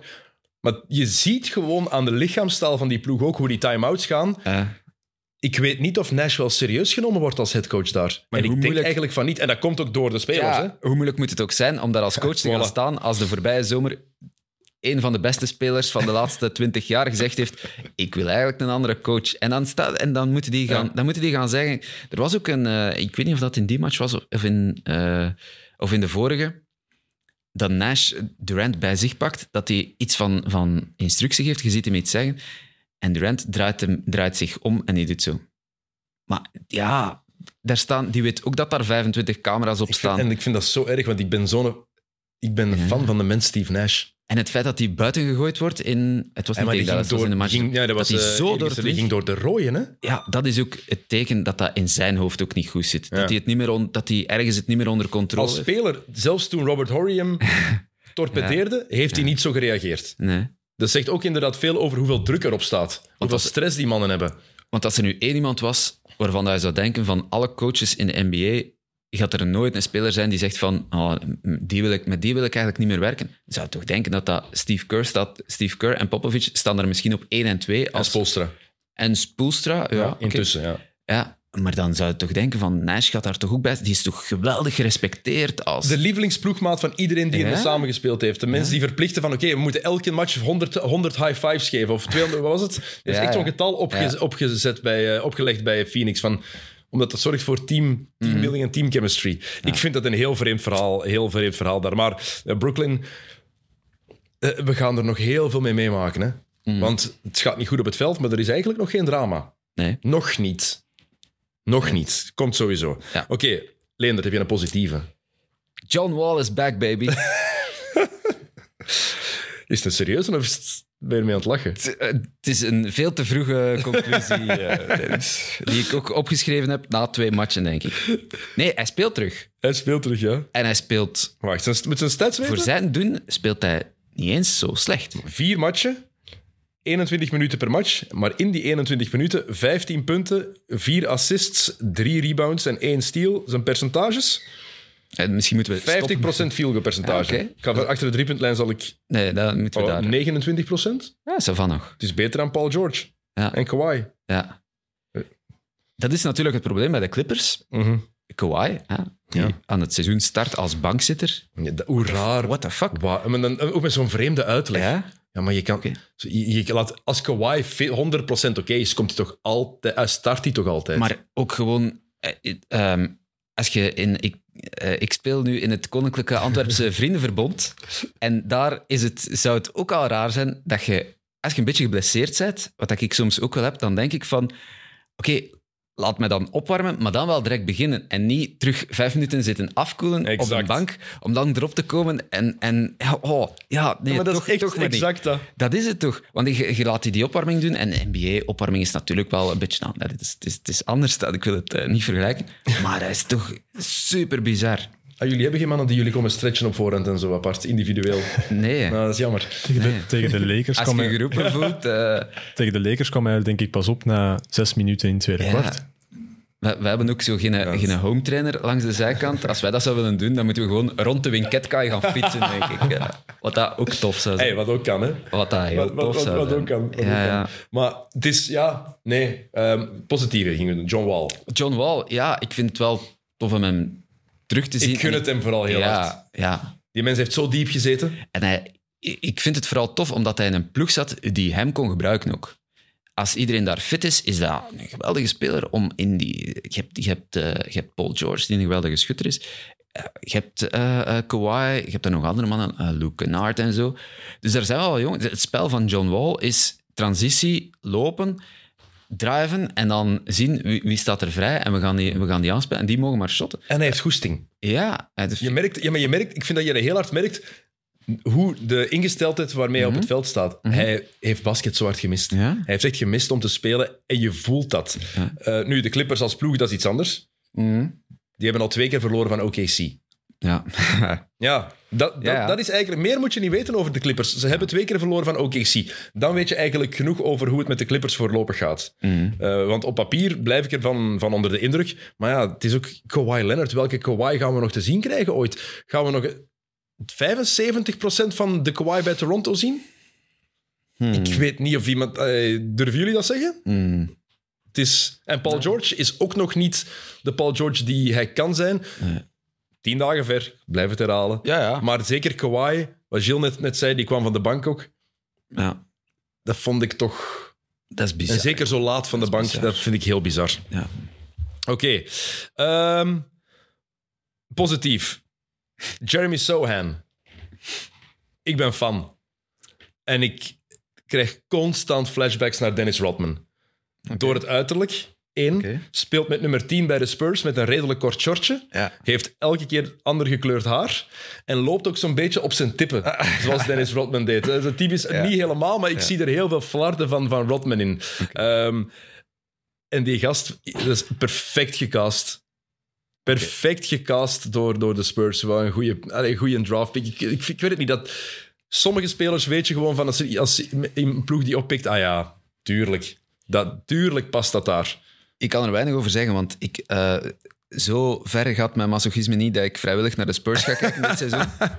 Eh, dus ik heb hem nog geen, geen volledige match zien spelen. Ik heb hem al eens zien voorbij komen, maar... maar Ik ga ook niet zeggen dat ik al een volledige match van de Spurs Ah, gezien heb. Een kwart of anderhalf kwart, zoiets. Ah ja, oké. Zo League Pass zappings. Ja, nee, dat heb ik mijzelf nog niet aangedaan. Ja, en dat gaat ik. er dit seizoen ook niet echt van komen. Maar eh, die hebben meer dan 30 assists per match. Ja, ja. ja. Meeste, meeste van een ploeg sinds de. Showtime Lakers. Ja. Als ik, dat had ik gelezen ergens. En dat is het jammer eraan, dat dat soort ploegen, eh, die, die, met die filosofie, die, die spelen dan op zich nog mooi basket.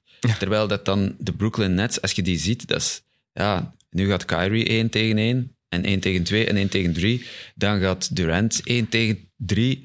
Ja, zo Ja. tof is dat niet. Hè? Nee. Ik, ik ben een grote fan van, eh, van, van Luka Doncic.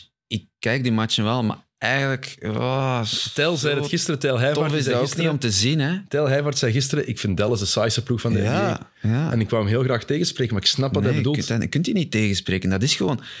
En ja, Doncic is fantastisch en de moves dat hij doet zijn geweldig. Maar je moet er wel eerst die 20 seconden stilstaan en, en met vier staan kijken van, allee, wat gaat hem nu doen? Maar vooral, waar hij heeft, het is zo'n zo'n begenadigde passer. Mm, Hij ziet hoeken die niemand anders ziet. Die hij ook heel, heel vaak gebruikt. Hè? Maar gisteren was er De bijvoorbeeld een play in de laatste minuten. En dan was hij al die moves aan het doen. Spin move, spin back, spin move, up, under. En dan zo'n fadeaway, moeilijke fadeaway pakken. En dan kijk je en, en iedereen die een klein beetje basket kent, weet van dit is de grootste kutaanval die er is, Luca. mm, ja. En Luca Doncic moet dat zelf ook weten, volgens mij. Maar langs de andere kant wordt de match wel beslist op twee driepunters, waar dat hij heel casual balletje achter de rug naar, eerst naar Bullock en dan naar eh Kleber zeker, of Ja. omgekeerd eerst naar Kleber en dan naar Bullock. Hij geeft er gisteren trouwens ook een pas. Hij probeert dan een, een, een, een botspas te geven met één hand. Ja. En ik weet niet meer wie hier onder de, onder de ring stond, maar die kan hem net niet vangen. Denk Christian Wood, ben niet zeker. Maar even, die- die dat je kijkt van, hoe, die hoe krijg jij die een bal daar, net voorbij de vingertip, vingertippen van ene, hoe krijg jij die daar? Maar Dallas is inderdaad wel veel te veel de Houston met James Harden kant aan het uitgaan. Ja. En dat is echt... En ik vind dat spij- spijtig met een Europese speler. Mhm. Luca weet wat het is om echt teambasket te spelen. Ja. En die moet ook weten, ah ja, wij worden beter dan. Met een coach als Jason Kidd, die toch de man was van uptempo en als hij zelf speelde, was een zalige speler om bezig te zien. Mhm. Denk, ja, ik weet niet, dat zal analytics zijn die waarschijnlijk zeggen van dit is de, manier waarop dat wij de beste resultaten Dat is in behalen. het voetbal toch ook vaak... eh, In het American voetbal is het heel vaak volgens de analytics... Ja, we moeten voor, op het einde in plaats van voor een extra point voor een two-point conversion gaan. Omdat de statistieken zeggen dat het zo en zoveel keer werkt. Ja, altijd... Ja, maar daar is de... dat is een andere is een keerzijde ook nog altijd aan. Hè. Die analytics, dat is heel handig, goed om te gebruiken, maar dat is geen wetenschap. Maar daar is nog... Dat Het is wel wetenschap, moet ik het zeggen. Ja, maar je weet wat ik, ik, ik, Ja, ja. ik, ik hoorde het mezelf zeggen en ik wist hoe achterlijk het was direct. je weet wat ik wil zeggen. Dat is. Het is niet dat, dat die cijfers dat zeggen, dat het ook in de realiteit Nee, altijd voor het resultaat zorgt. Je kijkt naar matchen, je ziet soms genoeg van, ah ja, nee, toch, het werkt toch niet. En in American football zegt de analytics van je moet voor de two-point conversion gaan, maar dat levert een spectaculairdere play op dan gewoon voor een field goal gaan. Terwijl in de NBA is het vaak omgekeerd. De analytics zeggen van ja, we zijn beter als, als Luca eh 18 seconden staat te dribbelen en dan de aanval inzet. Ja, dan maakt het er niet toffer op om naar te kijken. Nee, absoluut niet. Ehm, maar Dallas trouwens ook 2 en 2 nu. Is toch wel wat werk aan. Ik had er nog eentje opgeschreven Ja? over Dallas. Zeg maar. Buddy Hield en eh, Miles Stern moeten niet naar de Lakers, maar wel naar de Mavericks. Dat vind ik een hele goeie. En ja, Miles Turner is alweer geblesseerd trouwens. Hè? Ja. Dat wel. Oké. Ja, maar die mens is ook, heeft ook Ja. veel blessures. Hè? Ja. Maar intrinsiek, maar voor wie dan? Dat is de vraag. Hè? Ja, Want wat zijn die contracten? Ehm, Turner 20 miljoen, denk ik, en Hield 24. ja. Ja, het is wel stevig. Hè? Dus je, dat, dat is dan, Ja. dat ga je moeten uitzoeken. Maar op zich, qua profiel, ja. je hebt een rim protector met een shot. met een shot en lights out shooter in Buddy. Dat, dat lijkt me wel, dat zou een goede. Want ik denk dat Dallas net iets tekort komt. Christian Wood is oké. een Maar tekort voor wat? Voor top 6, voor titel? Tekort voor, ik denk, als je Luca hebt en die gaat voor de MVP, eh, dat je toch moet mikken op conference finals. Als Oh ja, Dallas. daar Dat moet, de, dat moet de ambitie Ja, zijn. Ik ik zeg niet dat ze dat gaan halen. Daarvoor hebben ze nu veel tekort. Maar voor, voor de, met, met de, de concurrentie die er dit jaar in de NBA is, Mm. dan gaan ze daar niet... Allee, Nee. want Als je kijkt wie, wie er vol- volgens mij en nu voorlopig al beter is, maar intrinsiek ook beter gaat zijn. Memphis, Phoenix, New Orleans, Denver, Golden State al, die vijf. Ja. En dat is Ah. gewoon even snel... Portland? Portland voorlopig wel, ja. De Clippers moeten er dan nog doorkomen.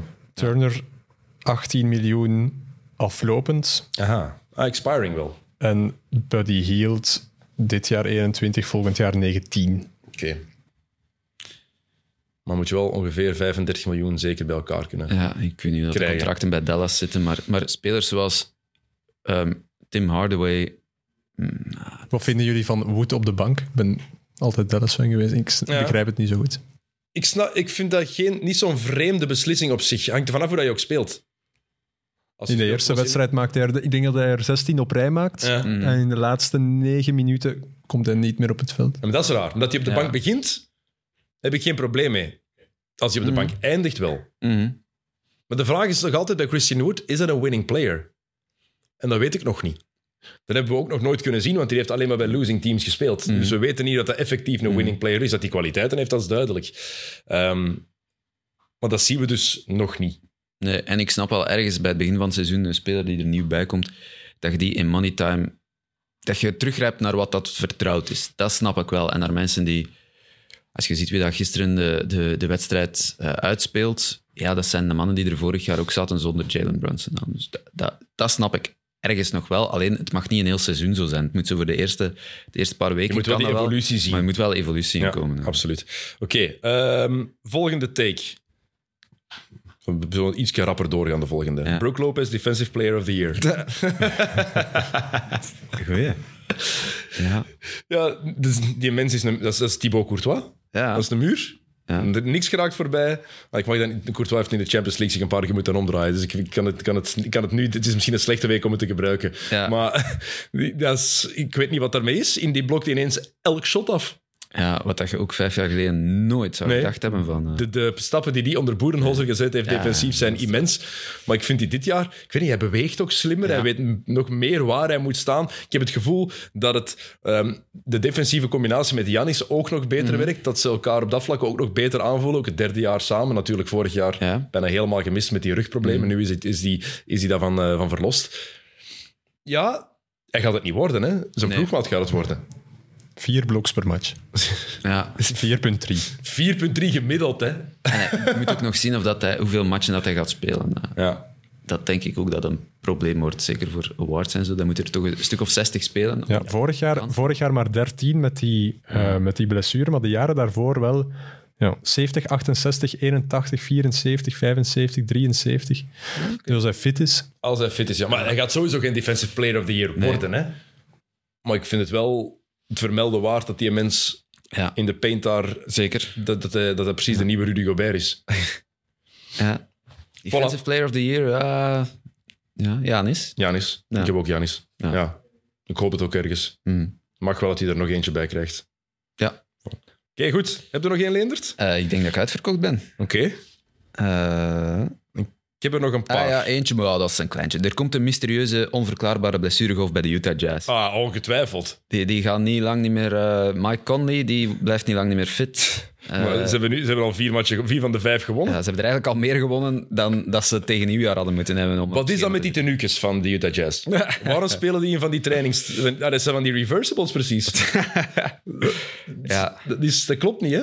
nee, dat klopt niet. Want dan zie je dat Phoenix terug met die retro-shirt speelt van, van, van, van Charles Barkley. En die zijn fantastisch. Ja. Oh, die zijn schoon. En Utah die had die geweldige City Edition in, in die schakering van, de van, van de canyons zo. Ja. Met dat, oh, ik, vond dat, ik heb lang gezocht naar zo'n broek en dat is nergens niet meer te vinden. Ik vond dat kei cool. En dan zijn die nu terug. Dat, is, dat, is, dat is heel up. En dat, die komen van ongeveer de lelijkste, die met die bergen op. Hè, Carl Malone en John Oh, Stockton. hel. Wat was dat? En zeker de witte. Dat vond ik- oh, zo Ik verschrikkelijk. haat die shirts zo hard. Dan die met die muzieknoot, die waren dan wel weer Die waren cool super cool. Ja. echt cool. Die gele ook met die muzieknoot. Vond ik echt cool. Dan die, ja, die, die, die, die eh, ik weet niet hoe dat heet, eh, met, de, met de Grand Canyon op. En nu dit. Wow, dat is... Soms vraag je dat toch af. Wie heeft daar dan... Is dat, zou dat Danny Ainge zijn? Die dan We houden het sober. Ja. En dat is de ploeg van Dwayne Wade. Dwayne Wade, die mij een hele stijlvolle gast. Zeker. Altijd... eh, eh, Maar Dwayne Wade draagt tegenwoordig vooral geen t-shirts meer. Dus misschien dat daarom wat moeilijk is. Ja, Allee, maar die zou had toch- altijd een kostuum aan zonder, zonder iets onder. Of Ja, tegenwoordig. ja. Maar die zou toch moeten zien... eh, Als, dat, als je dan een beetje betrokken bent bij, bij die ploeg, je bent daar deel-eigenaar van, dan zou ik... Dat zou, ik zou dat al... Stel dat ik nu eigenaar zou zijn van een NBA-team... Oei, sorry. Is oké. Dan, eh, eh, dan zou een van de eerste ding- dingen zijn... Alle beslissingen over truitjes komen via mij. maar- Dat- maar en die- niet dat... Ja, nu gaan... Maar zeker de coole retro-truitjes, Ja. dat werkt ook. Hè. De, Er gaan ook mensen zijn die dit nu bekijken en die gaan heel hard lachen en die gaan zeggen, ga jij over stijl die beslissen? mens draagt een muts binnen. Ja, voilà. De mensen die luisteren, die denken wat? Ja, Maar zo, retro-shirts werkt. De coole, die, die oude van, van de Wizards zijn nu ook terug. ja, Dat werkt ook, vind ik. Maar die van de Suns steken er wel met kop en schouders bovenuit. is ik vind die zo ongelooflijk graaf. ja. die van Memphis ook. Allee, van vorig jaar dan die van Memphis van Vancouver. Ja, inderdaad, als die Ja, van die, Vancouver die, terugpakte. eh, die, met, die, met die grizzlybeer op, Ja. hè? daar heb ik wel een broek daar heb ik gevonden. Dan. Maar dat is zo... Want die van die periode Terwijl- waren er ook zoveel fout, maar nu worden die bijna allemaal terug cool. Want de Pistons gaan die ook terugbrengen. Brengen. Met Die, dat eh, paard op. Ja, die appelblauw zeegroene met dat paard op. Maar die vind ik nog wel cool.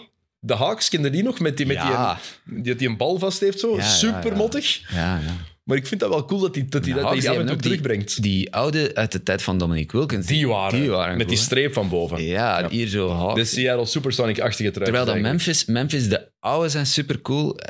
dat kleur ook. Terwijl de, de huidige truitjes, dat vind ik maar niks. Je hebt er, zo, je hebt er één ook met, met, met een, Dat met een blauwachtig. cool kraagje. Ah. Die vind ik direct wel... Die heel donkere vind ik wel cool. Ja, maar dat, dat, dat blauwachtig, dat vind ik... Nee, dat, dat is het niet. Ehm, trouwens, eh Clay Thompson tegen Devin Booker. Hmm. Ja. Dat, wa- Mm. dat was heel on Clay. Ja. En dan ook afkomen met vier ringen. Ja. We hebben er vier gewonnen. Ja, maat. Ja, dat is niet... Dat- dat is, dat je kunt, kunt beter trash talken dan dat, denk ik. Ik denk echt dat je beter kan trash talken. Maar Ja, die- en- hij, is hij is gefrustreerd, Clay. Clay het, is altijd iemand- niet, het is altijd niet de Clay van voor zijn blessure. Clay was iemand die nooit trash talk nodig had. Hè. Nee. Die, je zag die dat ook nauwelijks doen, omdat ja, die, die zijn, zijn, was zijn spel sprak voor zich. hè. En nu En, niet eh, meer. En nu niet meer. Nee, het is jammer. Ik vind dat echt spijtig. Dat is een van de grootste eh blessure-tragedies van de laatste jaren in, in, de NBA. Ook omdat we weten dat hoe goed Clay nog kan Ja. zijn, en hij gaat nog goed zijn, het gaat nooit meer de Clay Thompson van vroeger zijn. En dat is jammer. Dan zeggen ze bij Kawhi ook de schrik die ik heb. Alleen, Kawhi was gewoon nog bepalender dan Clay. Thompson was. Clay Thompson die was fantastisch, maar Kawhi was wel iemand... Dat was een, een gast die een ploeg, een contender maakte op zichzelf. Hè. Je had de, de Raptors hadden Kawhi, oké, nu zijn we echt een contender. Ja, en op een bepaalde manier vind ik dat dan nog minder erg dan bij Clay. Op, het, is- het slaat nergens op, hè, maar bij Clay vind ik het erg dat hij niet meer de speler is van voordien, omdat dat zo'n unieke speler was. Kawhi Leonard Ja. is op zijn manier ook uniek, maar Ka- Kawhi Leonard was een, een, er zat een, een stukje Jordan in, er zat een stukje Kobe in, Beetje er zat Pippen. van een beetje Pippen in. Voilà. Clay Thompson was Clay Thompson. Die, die, die gast scoorde 40 punten met drie dribbles te nemen in een hele match. En dan denk je, dat kan niet. En nu is dat weg, ja. Mensen heeft 37 punten in een kwart gescoord. Ja. ooit. Bij Am de Ramper moeite doen. Nee, dat is inderdaad dat is ook het, eh, het jammere. Oké, wat heb ik hier nog? Ehm, drie dingen. Ehm, Kyle Lowry is passé. Ja, akkoord. Vrees ik. Sorry, Tijl. Sorry, Thomas van de Spiegel. Thomas, ik, eh, grote kenner. Maar als die in de preview zei dat hij liever Kyle Lowry dan Fred van Vliet had, dan dacht ik, oh, Thomas. Ik ook. Ja. Ja. En dat is niks afdoen van, eh, van Kyle Lowry, maar ja, Fred van Vliet is gewoon op dit moment drie keer beter. Absoluut. En beter in shape ook. Ja, Dat is een zeker. combinatie, ja, het is een combinatie van alles. En Lowry is dit seizoen gewoon nog niet goed aan het spelen. Volgende. En Ehm, Lowry, ik wil één ding er nog over zeggen. Lowry heeft ook zijn hoogtepunt gehad op het moment dat, ehm, dat de posities nog iets traditioneler waren in de NBA. En dat je ook nog... Je had nog iemand nodig om de point guard van een tegenstander wat aan banden te leggen, wat dat Kyle Lowry fantastisch goed kon. Maar nu, ja, we moeten tegen eh, Orlando, is nu misschien niet het beste voorbeeld, we moeten tegen Orlando gaan doen met Kyle Lowry. Tegen wie gaat hem zetten? Maar die ja. een bal opdribbelt is, is, twee, is twee meter en acht. En hij is gewoon de oude niet meer. Mm. Ehm, niet de Kyle Lowry die ze daar nodig hebben, Nee. dat vooral. Ehm, en dan ehm, Minnesota. Daar zit meteen een hele rare vibe. Ja. En dat werd eigenlijk volle- compleet gemaakt door de uitspraak van Carl Anthony Towns over het dieet van, eh, van Anthony Edwards. Die dan begon van, ja, hij eet niet goed, eh, te, veel, was te veel Popeyes, dat was het zeker. Eh Popeyes heeft ook teruggetweet daarna, Echt, naar, naar Carl Anthony Towns. En dan van, ja, ik vind het mijn verantwoordelijkheid, ik moet hem daarin beter begeleiden, ik moet hem helpen met zijn eetgewoontes. Eén, kan Kan zijn, maar dat zeg je toch niet tegen de pers na vijf matchen? Nee. Wa- wa- wa- waarom, waarom zou je dat tijdens een persconferentie zeggen? Dat, dat begrijp ik echt niet. Dat kan toch alleen maar nefast zijn voor je ploeg. Zeker een jonge gast, een trotse kerel als Anthony Ja. Edwards, die dan nu... Oud is die? 21? Mhm. Een gastje van 21, die dat, dat zeg ik met alle respect trouwens, Ja, hè, maar die gaat horen van, van ah, Maar Carl, zeg dat tegen mij. Moet dat, tegen, moet dat in de pers gezegd worden? Dat is toch Ja. een heel slecht voorteken. En dat is één ding, dat je dat tegen hem rechtstreeks moet zeggen. Misschien komt dat niet, komt dat niet meer over of zo. Maar vooral, ehm, wie zegt het hem? Hè? Carl Anthony Towns, dat is de man met de gigantische eh, belofte, die, die zo'n goede speler zou kunnen zijn en die toch ook, waar dat toch ook nog geen, geen 50% is uitgekomen van wat dat die zou kunnen zijn. Dan, ik denk En dat als... is eigenlijk positief. Je bedoelt dat ook positief over Edwards, omdat die mens... Of over eh, Cat, omdat Ja. er zoveel talent in zit, dat hij alles kan. Ja, tuurlijk. Voilà. Dat, dat, moet, dat, dat, is- dat, is, dat is een gigantische... Allee, die, die, die moet, die moet top 5 MVP-voting zijn. En dat is niet. En dan gaat die zeggen over zijn ploegmaat, zijn jongere ploegmaat, die misschien... Die de nummer één optie gaat zijn van de Ja, ploeg. voilà, dat wil ik zeggen. En dan gaat het daarover... Dat, dat komt gewoon niet goed over als... ehm, weet ik veel wie, als die nu zou samenspelen met ehm, Bradley Beal of zo, weet ik veel. Die toch al iets meer bewezen heeft in NBA. En die zegt dat. Die, iemand die... Ja, Beal is nu ook niet het beste voorbeeld. maar eh, Steph Curry. Als Steph Curry zou zeggen van... hey, eh, Anthony, eh uw eetgewoontes en die Popeyes, misschien moeten dat wat minder doen en wat minder suiker en zo. En zie naar mij, ik heb mijn lichaam veranderd na al mijn enkelblessures. En ik ben in shape op mijn... Hoe oud is Curry? 3,34. Ja. Als die dat zou zeggen, als LeBron dat zou zeggen, dan denk ik, ja, oké, Anthony, zeggen- dan gelooft het. Maar als Carl Anthony Towns dat zegt, Maar Curry zou het ook nooit in de pers zeggen. LeBron Ja, Vanaf- die wel. Hangt Die zouden ja, hangt vanaf welke, welke LeBron we krijgen. Ja, ja. Maar eh, die zou het nog wel durven Maar in de pers. nog- Maar die zou het ook mogen. Maar als die dat in de pers zegt, dan normaal. heb ik daar ook geen probleem mee. Ja, dat is, effectief waar. Dat is effectief. Oké, laatste punt. Heel positief eindigen. De takefiles, ze mogen niet meer. Ah, Eindelijk is het eruit. Oh man, wat een, wat een verademing. ja. Hoe fantastisch. Die, die fouten die gemaakt, de professionele fouten, zoals ze dat noemden, aan de middenlijn zo iemand tegenhouden. Ja.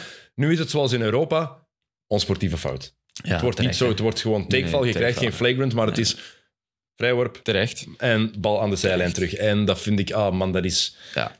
Dat is zo'n gemakkelijke aanpassing. Ik weet niet waarom ze er zo lang mee gewacht hebben in de NBA, maar dat mag niet meer. Ook de James Harden, het inhaken, Mhm. Ja. wordt nu ook afgestraft. Het maakt het allemaal zoveel aangenamer om te zien. Nu de replays daar nog een, een, een klok bij zetten. Ja. Je hebt één minuut om te beslissen bij de VAR en up verder spelen, niet zo lang taffelen. En wat minder time-outs op het En- einde van de match. Ja, voilà, doe daar nog iets aan en dan gaat het product alleen maar beter worden. Maar dit is zo'n goede beslissing Ja. geweest. Absoluut. Voilà. Niks tegen in te brengen. Ik dacht, de laatste take eindigen op iets positiefs. Het gaat over de niks gaan.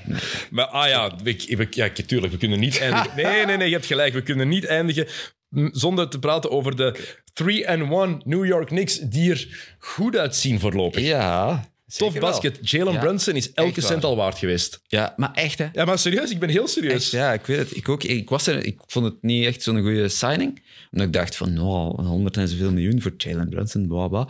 Maar nee, het, het- en het is, het is wat dat jij zegt. Het is mooi basket. Ja. Het is echt, een bal gaat rond, eh, eh, er wordt gedraaid, shooters. eh, iedereen heeft zijn rol. Iedereen snapt ook precies wat dat van hem verwacht wordt. Randall heeft er terug goesting in. Randall, ja, die, die, die, speelt, die speelt met enthousiasme. Derrick Rose, die komt van de bank. Cam Reddish krijgt minuten. Cam Reddish, ja, die was, die was nog oké tegen Orlando, denk ik. Die scoort daar ook die een, eh, die een driepunter in de hoek waarin, over, waarin ze overtime afdwingen tegen... Oh, tegen wie was daar? Ja, dat weet ik niet. Te veel match. Ik heb dat te veel gezien, Ja. niet meer te weten tegen wie dat het was. Ik zie het shot voor mij. Hij loopt naar achter, Ja, ja. hij krijgt die bal toegespeeld.